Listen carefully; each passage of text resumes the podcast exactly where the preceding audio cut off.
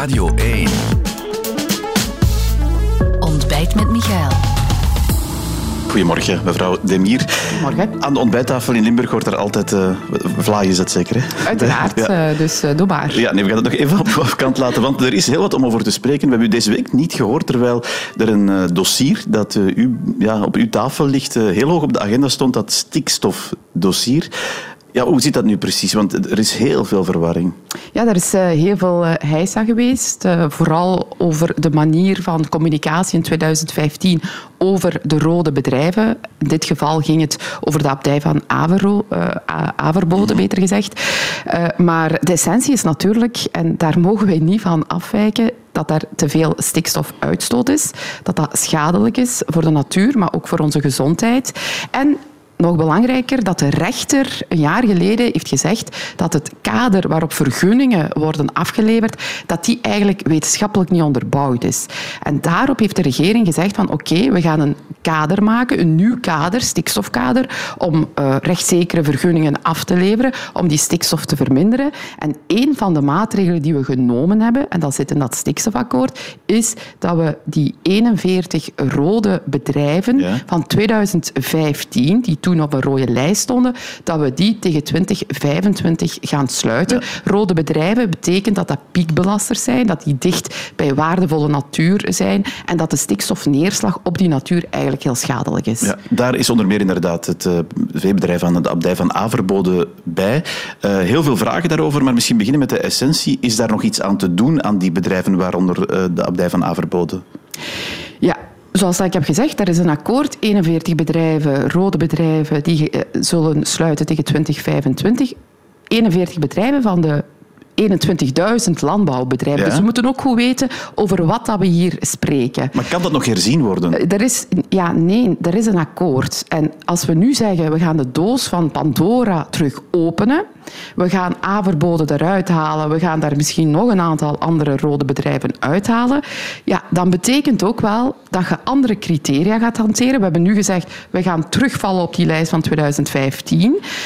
En als we nu zeggen, ja, maar nee, we gaan dat toch op een andere manier doen, dan betekent dat ook wel dat er andere landbouwbedrijven ineens rood kunnen maar u zijn. zegt dus, dus dat landbouwbedrijf aan de abdij van Averboden, dat gaat dicht in 2025? Ja, die staan op die rode lijst. We kunnen discussiëren, en dat betreur ik ook, over de manier hoe, dat, uh, hoe dat men geïnformeerd is geweest in 2015. Dat is het verleden. En ik vind ook dat dat ja. niet kan. De manier Daarover uh, waarop... zo meteen nog iets meer. Maar het is onherroepelijk, wat zegt u. Die lijst, is die lijst, daar, daar verandert niks aan? Ik heb op dit moment, tot op het moment geen rationeel argument gehoord waarom dat, uh, ja, het bedrijf een Averboden, waarom dat, die, dat we die uit de lijst zouden halen. Maar nogmaals, er is nu wel een openbaar onderzoek. Iedereen kan zijn bezwaar bezwaren indienen. Uh, en dan zullen we kijken. Maar op, tot op heden heb ik nog geen rationeel argument Want, gehoord. Collega mevrouw Krevits, die liet de deur wel wat open. Ook voor andere landbouwbedrijven. Ook in Lubeck bijvoorbeeld, eentje waar denk ik u ooit geweest bent. Uh, ja, u zegt nu weer iets anders dan haar. We hebben een stikstofakkoord. Ik denk dat uh, iedereen in de regering ook nog altijd achter het akkoord uh, staat. Uh, als we nu zeggen we gaan de doos van Pandora openen, nogmaals, dan betekent dat we, met, dat we met een andere criterium gaan werken, dat we met een andere lijst gaan werken. En dan kunnen er andere bedrijven bij komen. En dan zijn we terug naar af. Ik zou voorstellen om dat niet te doen. Uh, ik zou het openbaar onderzoek afwachten, want dat is ook belangrijk. Iedereen kan zijn bezwaren daar indienen. En dan zullen we zien, uh, als er een rationeel argument is, ik heb die tot op heden niet gehoord. Ik heb heel veel emotionele argumenten gehoord, waar dat ik ook heel veel begrip voor heb, ja. voor alle duidelijkheid. En we kunnen heel veel discussiëren over hoe dat er in 2015 ja, is want daar wil ik wel wat vragen over stellen. Met een telefoon. Met een telefoon is dat gemeld. Ja, dat klopt. En dat is natuurlijk wel onbegrijpelijk. Ik vind wel, als je zo'n belangrijke boodschap overbrengt, dat, dat je dat wel op zijn minst uh, op papier zet. Maar de rechtsgrond moeten wij wel nog maken. Dus Wat is bedoelt u daar op, precies mee? Ja, de rechtsgrond van dat uh, die 41 rode bedrijven tegen 2025 zullen gesloten worden. Tot op heden is er geen rechtsgrond. Een brief of een telefoon van 2015, dat is dus geen zegt, rechtsgrond. Zegt die, die, die abdij of, of die landbouwers die in procedure willen gaan, er is nog niks om, om in procedure nee, te gaan. Nee, want er is ook nog geen rechtsgrond. Wij moeten nog een decreet maken, maar we wachten natuurlijk het openbaar onderzoek af om, het, uh, om, om een decreet te maken. En dan ja, kan men er altijd uh, tegen gaan procederen. We leven in een rechtsstaat. Uh, maar uh, belangrijk voor mij is wel, alles wat dat we nu doen, alles wat dat we overeengekomen zijn, alle maatregelen in dat stikstofakkoord, dat we dat uitvoeren. Want we moeten ook goed weten en ook in het parlement met wat we bezig zijn. Ofwel zeggen we nu eindelijk in Vlaanderen, we gaan dat probleem deftig oplossen. We gaan dat niet uh, weer gaan uh, morrelen en de die wel, de die niet. En die maatregelen gaan we daar ook nog uit halen, want ik vind die allemaal niet leuk. Ik vind ze ook niet allemaal leuk, maar ik wil ook niet in een vergunningstop gaan, zoals in Nederland. Dit, uh, deze week is er nog een arrest geweest. Want dat betekent heel concreet voor één ieder dat er zelfs geen ja. woning meer kan gebouwd nee, maar worden. Maar ik wil toch wat, wat argumenten op de tafel leggen, uh, mevrouw Demir, die deze week uh, zijn opgehaald. Uh, dat dossier rond de abdij van Averboden is het meest duidelijke. De meeste mensen zullen dat wel gehoord hebben. Die mensen hebben in 2015 nog maar een, een, een, toestemming gekregen om uit te breiden. En nu zegt u, ja, u moet sluiten. Dat, die logica is toch gewoon totaal zoek? Ja, die logica is ook inderdaad totaal ja. zoek. Dat is ook onbegrijpelijk dat ja, in 2015... Ja, ik ben nu bevoegd. Ik, ik heb die vergunning in 2015 ook niet geleverd. Uh, van wie kwam die dan? Die kwam van de deputatie van Vlaams-Brabant, ook een groene deputé, voor alle duidelijkheid. Stikstof stond toen ook op de agenda. Ik denk dat uh, elke expert, als je aan eender wie dat je het vraagt, uh, weet ook dat we sinds 2012, 2014, 2015 met stikstof bezig zijn in dit land.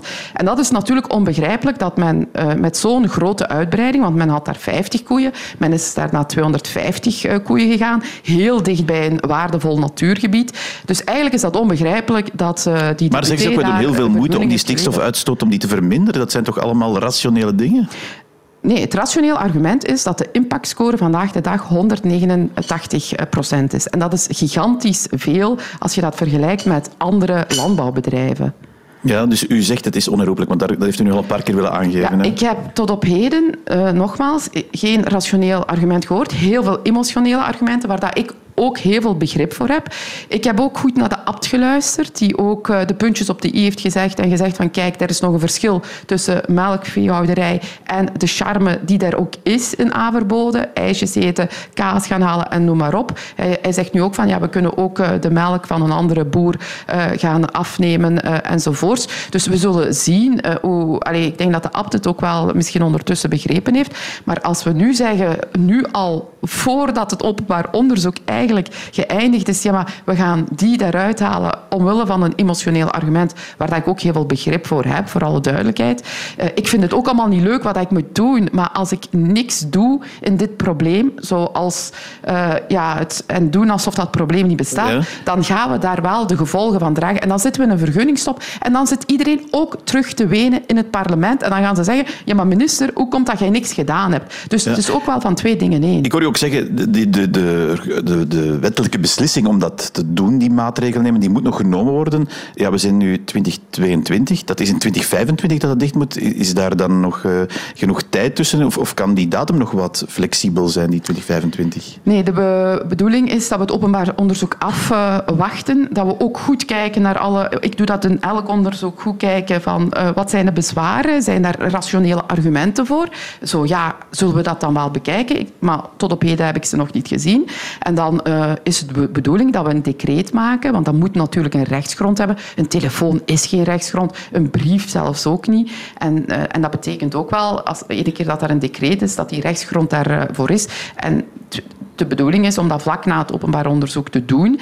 En tegen 2025, dat is wel de datum die we voorop stellen. Want het probleem is wel heel urgent. Er is te veel stikstof. En dat betekent, als we willen gaan vergunnen, als we andere landbouwbedrijven ook wel rechtszekerheid willen geven, ook die jonge boeren ook wel perspectief willen geven, dan betekent dat ook wel dat we iets gaan moeten doen. Oké. Okay. In elk geval, dus die lijst die, die is uh, wat ze is, want dat heb ik u toch ja. horen zeggen. Uh, een ander dossier dat uh, ook heel veel vragen opwerpt, waar je ook nog niet zo heel veel over gereageerd hebt, is het arrest van de Raad van State, waardoor de werken aan Oosterweel tijdelijk stil liggen, of toch gedeeltelijk stil liggen.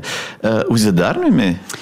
Ja, wij hebben de afgelopen weken eigenlijk vooral achter de schermen misschien toch op een rustige moment uh, met heel veel actoren gesproken. Ik denk dat dat ook wel nodig was in dat dossier. Um, heel belangrijk is wel, denk ik, twee dingen. Eén, Uh, ik vind dat er zicht moet zijn op de sanering, die vervuilde gronden, 3M die dat moet gaan saneren. Het wordt tijd dat we nu een, uh, een, een, een, saneringsplan hebben mhm. en dat we die meest vervuilde gronden op de site ook aanpakken. Ja, het gaat over heel veel gronden, dus dat betekent dat je ergens moet gaan beginnen. Ik heb altijd gezegd, de tuinen van de mensen, de Palingbeek. En we gaan nu ook uh, moeten zien dat we ook beginnen aan het saneren van die gronden. Dus dat zijn we nu een kaart aan het brengen. Ik denk dat dat echt uh, heel belangrijk is om ook uh, ja, aan die omgeving ook wel uh, zicht te geven van kijk... Want het aanpassen het van het bodemdecreet dat, dat u laten open liggen als mogelijkheid, is dat een optie? Ja, nee, ik heb vooral in de media veel gelezen en, en, en Groen die zit te schreeuwen en te roepen dat ik de milieuregels zou gaan versoepelen. maar gaat u dat maar dat is niet de bedoeling. Niet nee, dat is niet de bedoeling. Maar wat, dat wel, wat dat we wel moeten zien is dat de regels die mevrouw Vera Duat destijds als minister van Leefmilieu heeft ingevoerd rond uh, bodemsanering, rond grondverzet, dat die regels natuurlijk correct worden uh, ja, uit, toegepast. Ik vind dat wel heel belangrijk. Dat is voor mij ook de rode lijn, dat uh, die regels mm -hmm.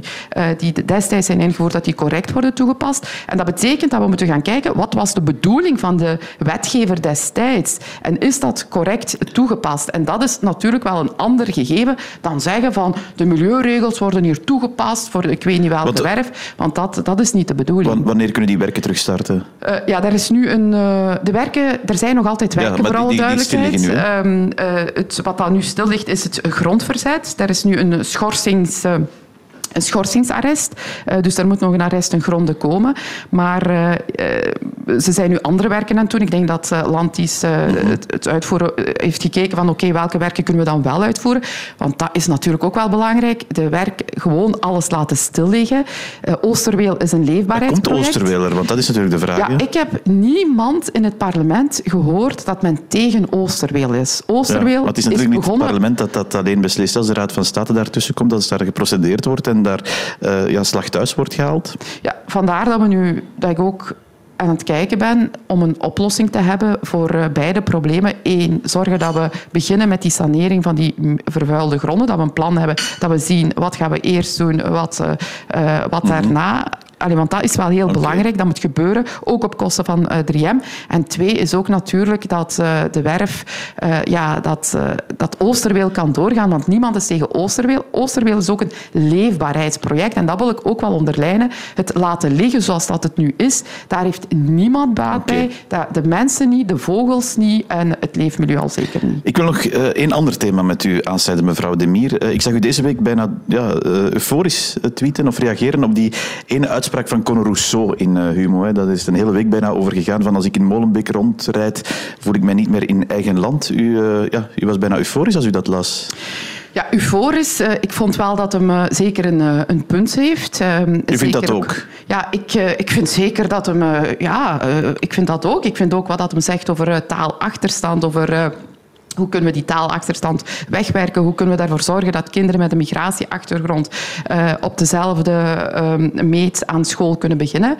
Uh, maar, uh, Want sommigen zeggen, daar mij... zit een racistische achtergrond achter zo'n uitspraak. Ja, maar en daar stoor ik mij natuurlijk wel aan. En dat is in dit land al sinds dat ik, het, uh, debat, sinds dat ik die debatten volg, en ik ben zelf kind van migratieouders, ik ben tweede generatie, ik ben bijzonder trots op mijn achtergrond. Dus ik volg het thema al van sinds dat ik eigenlijk 12, 13 jaar ben. Maar ik stoor mij enorm aan de hysterische reacties die vervolgens volgen op een analyse die men maakt. Met alle gevolgen van dien dat we in dit land eigenlijk niet op een volwassen manier kunnen debatteren over alles wat met samenleving, ghettovorming, uh, taal enzovoort te maken heeft. Maar mijn uh, punt van kritiek is natuurlijk ook wel als... Uh, uh, meneer Rousseau het punt terecht aanhaalt, dan vind ik ook wel dat uh, ja, bijvoorbeeld zijn fractieleider, uh, mevrouw Goeman, daar ook moet naar handelen. Want we hebben de taalscreening ingevoerd mm -hmm. in Vlaanderen en daar was ze bijvoorbeeld tegen. Ja, het valt me wel op. Het, het lijkt wel te klikken tussen u en meneer Rousseau en bij uitbreng tussen uw partij en de Vlaamse Socialisten. Ja, ik probeer uh, over uh, partijgrenzen heen met iedereen natuurlijk wel uh, te spreken. En, en ik heb ook wel... En ik denk dat dat ook normaal is dat je dat in de politiek doet. eh, Of Ja, dat dat nu meer maar u weet wel wat ik wil zeggen. Eh, Er, er wordt, mm, en het is denk ik meer dan geruchten, eh, het valt wel op, uw partij en Vooruit, die, die lijken elkaar ja, wat te besnuffelen richting eh, 2024. Ja, ik lees ook al die analyses. Ja, maar u zit in die partij, wel- ja, ik zit uiteraard in de, in de partij, maar ik stel wel vast dat, ik, eh, dat wij nu in de regering zitten en dat het nu belangrijk is dat we dat regeerakkoord uitvoeren. 24 is nog even. En dan zal de kiezer daar vooral Ja, een maar is, is dat, als, als u, als u die, die partij bekijkt, is dat een potentiële eh, coalitiepartner wat u betreft? Ja, ik ga daar nu nog geen uitspraken over doen. 24 is ook nog heel, eh, heel lang. Eh, daar ligt nog heel veel, ik, ik heb nog heel veel taken die mij opgelegd ge- zijn om ze tot een goed einde te brengen. Dus ik, vind dat, ik, ik ga daar nu echt geen uitspraken over doen. 24. Eh, Want een van de andere dingen die die partij zegt ieder is- zal naar de kiezer gaan Ja. met een bepaald programma en dan zal... Een, eh, een van de andere dingen die daar partij zegt is laten we bedrijven die nu grote winsten maken een extra vermogens, een, een, een extra ehm, tax eh, heffen om, om eh, heel die energiecrisis te betalen. Eh, is dat ook iets waar u achter staat, die extra vennootschapsbelasting? Ja, dat is weer zo'n een idee, denk ik, uit eh, de losse pols. Ik vind dat men eh, de belasting in zijn geheel moet gaan bekijken. Ik vind vooral dat men moet gaan kijken hoe dat eh, mensen die werken in Vlaanderen, dat die eigenlijk meer overhouden. Dus om dan te zeggen van ja, we gaan één maatregel invoeren, die rijke tax, dat klinkt misschien supergoed, maar zo geïsoleerd, ja, dat is, ik denk dat we vooral moeten kijken hoe kunnen we ervoor zorgen dat mensen die werken, koopkracht vandaag de dag, dat we die kunnen verzekeren en dat mensen netto ook wel op het einde van de maand meer overhouden. Want de belastingsvoet in Vlaanderen is eigenlijk heel hoog. Men betaalt heel veel belastingen. En eigenlijk als we zien wat we daar tegenover krijgen, dat is eigenlijk veel te weinig. Of dat dan nu gaat over eh, de pensioenen, eh, uitkeringen, eh gehandicaptenzorg enzovoort. Over 2024 toch nog heel even, mevrouw De Mier. Het is nog twee jaar natuurlijk, maar uw verantwoordelijkheid is al groot op uw schouders. Het is uw partijvoorzitter die een beetje als kroonprinses naar voren heeft geschoven. U hebt er ook nog niet op gereageerd, denk ik. Hoe voelt dat? Ja, ik hou eh, niet van kroonprinsessen, dus ik, Ja. eh, Nee, maar u, ik ga daar ook niet... weet eh, wat eh, hij gezegd heeft, hè? Ja, ik, eh, ik heb dat ook gelezen. En, eh, maar bon, dat is eh, ook nog iets dat een 24, dat is eh, ver weg. Eh, Ik vind het heel belangrijk dat ik nu... En er liggen heel belangrijke dossiers. Kijk maar naar stikstof, kijk maar naar eh, heel het dossier rond Oosterwereld. Eén voor één heel belangrijke projecten. En ik wil eigenlijk, als men mij toelaat, ehm, eigenlijk, want ik zie ook wel dat heel veel wedstrijdjournalisten ook daar artikels over schrijven. Die vinden dat allemaal natuurlijk heel kan leuk. natuurlijk gewoon ja of nee zeggen. Als- de vraag is, bent u de, de kandidaat minister-president van Vlaanderen voor 2024? Die vraag Kan u- stelt zich niet. Maar kan u ja of nee zeggen, Maar die vraag stelt, ja, maar die vraag stelt zich niet. Dus we gaan daar eh, nu ook niet eh, over gaan debatteren. Eh, ik, ik, ik, en ik sta daar ook wel op dat men mijn werk laat doen. Daar ligt heel veel werk op de planken. En ik zou eigenlijk dat allemaal willen doen. En dan een 24 naar de kiezer gaan. En dan moet de kiezer zeggen, vind ik het goed wat mevrouw Demir heeft gedaan, ja of nee. Tegen dan horen we elkaar nog, maar inderdaad eerst dus dat stikstofdossier, want dat is nu het meest nijpende. Nog een, een laatste keer op terugkomen. Wanneer komt die rechtsgrond er? Ja, dus we moeten eerst het openbaar onderzoek natuurlijk afwachten en dan de bezwaren analyseren. En dan is de bedoeling dat we inderdaad wel eind eh, dit jaar naar een, eh, naar een soort eh, decreet gaan en, en alles vastleggen. Want dat is natuurlijk wel uw, uw rechtsgrond die, die noodzakelijk is. Maar in wezen verandert er niks meer aan die rode bedrijven. Dat hebt u hier vanmorgen toch heel duidelijk gemaakt. Dank u wel, mevrouw De Bier, voor het gesprek. Dit was Ontbijt met Michael, een podcast van Radio 1. Ontdek nog meer podcasts van Radio 1 in onze app en op radio1.be.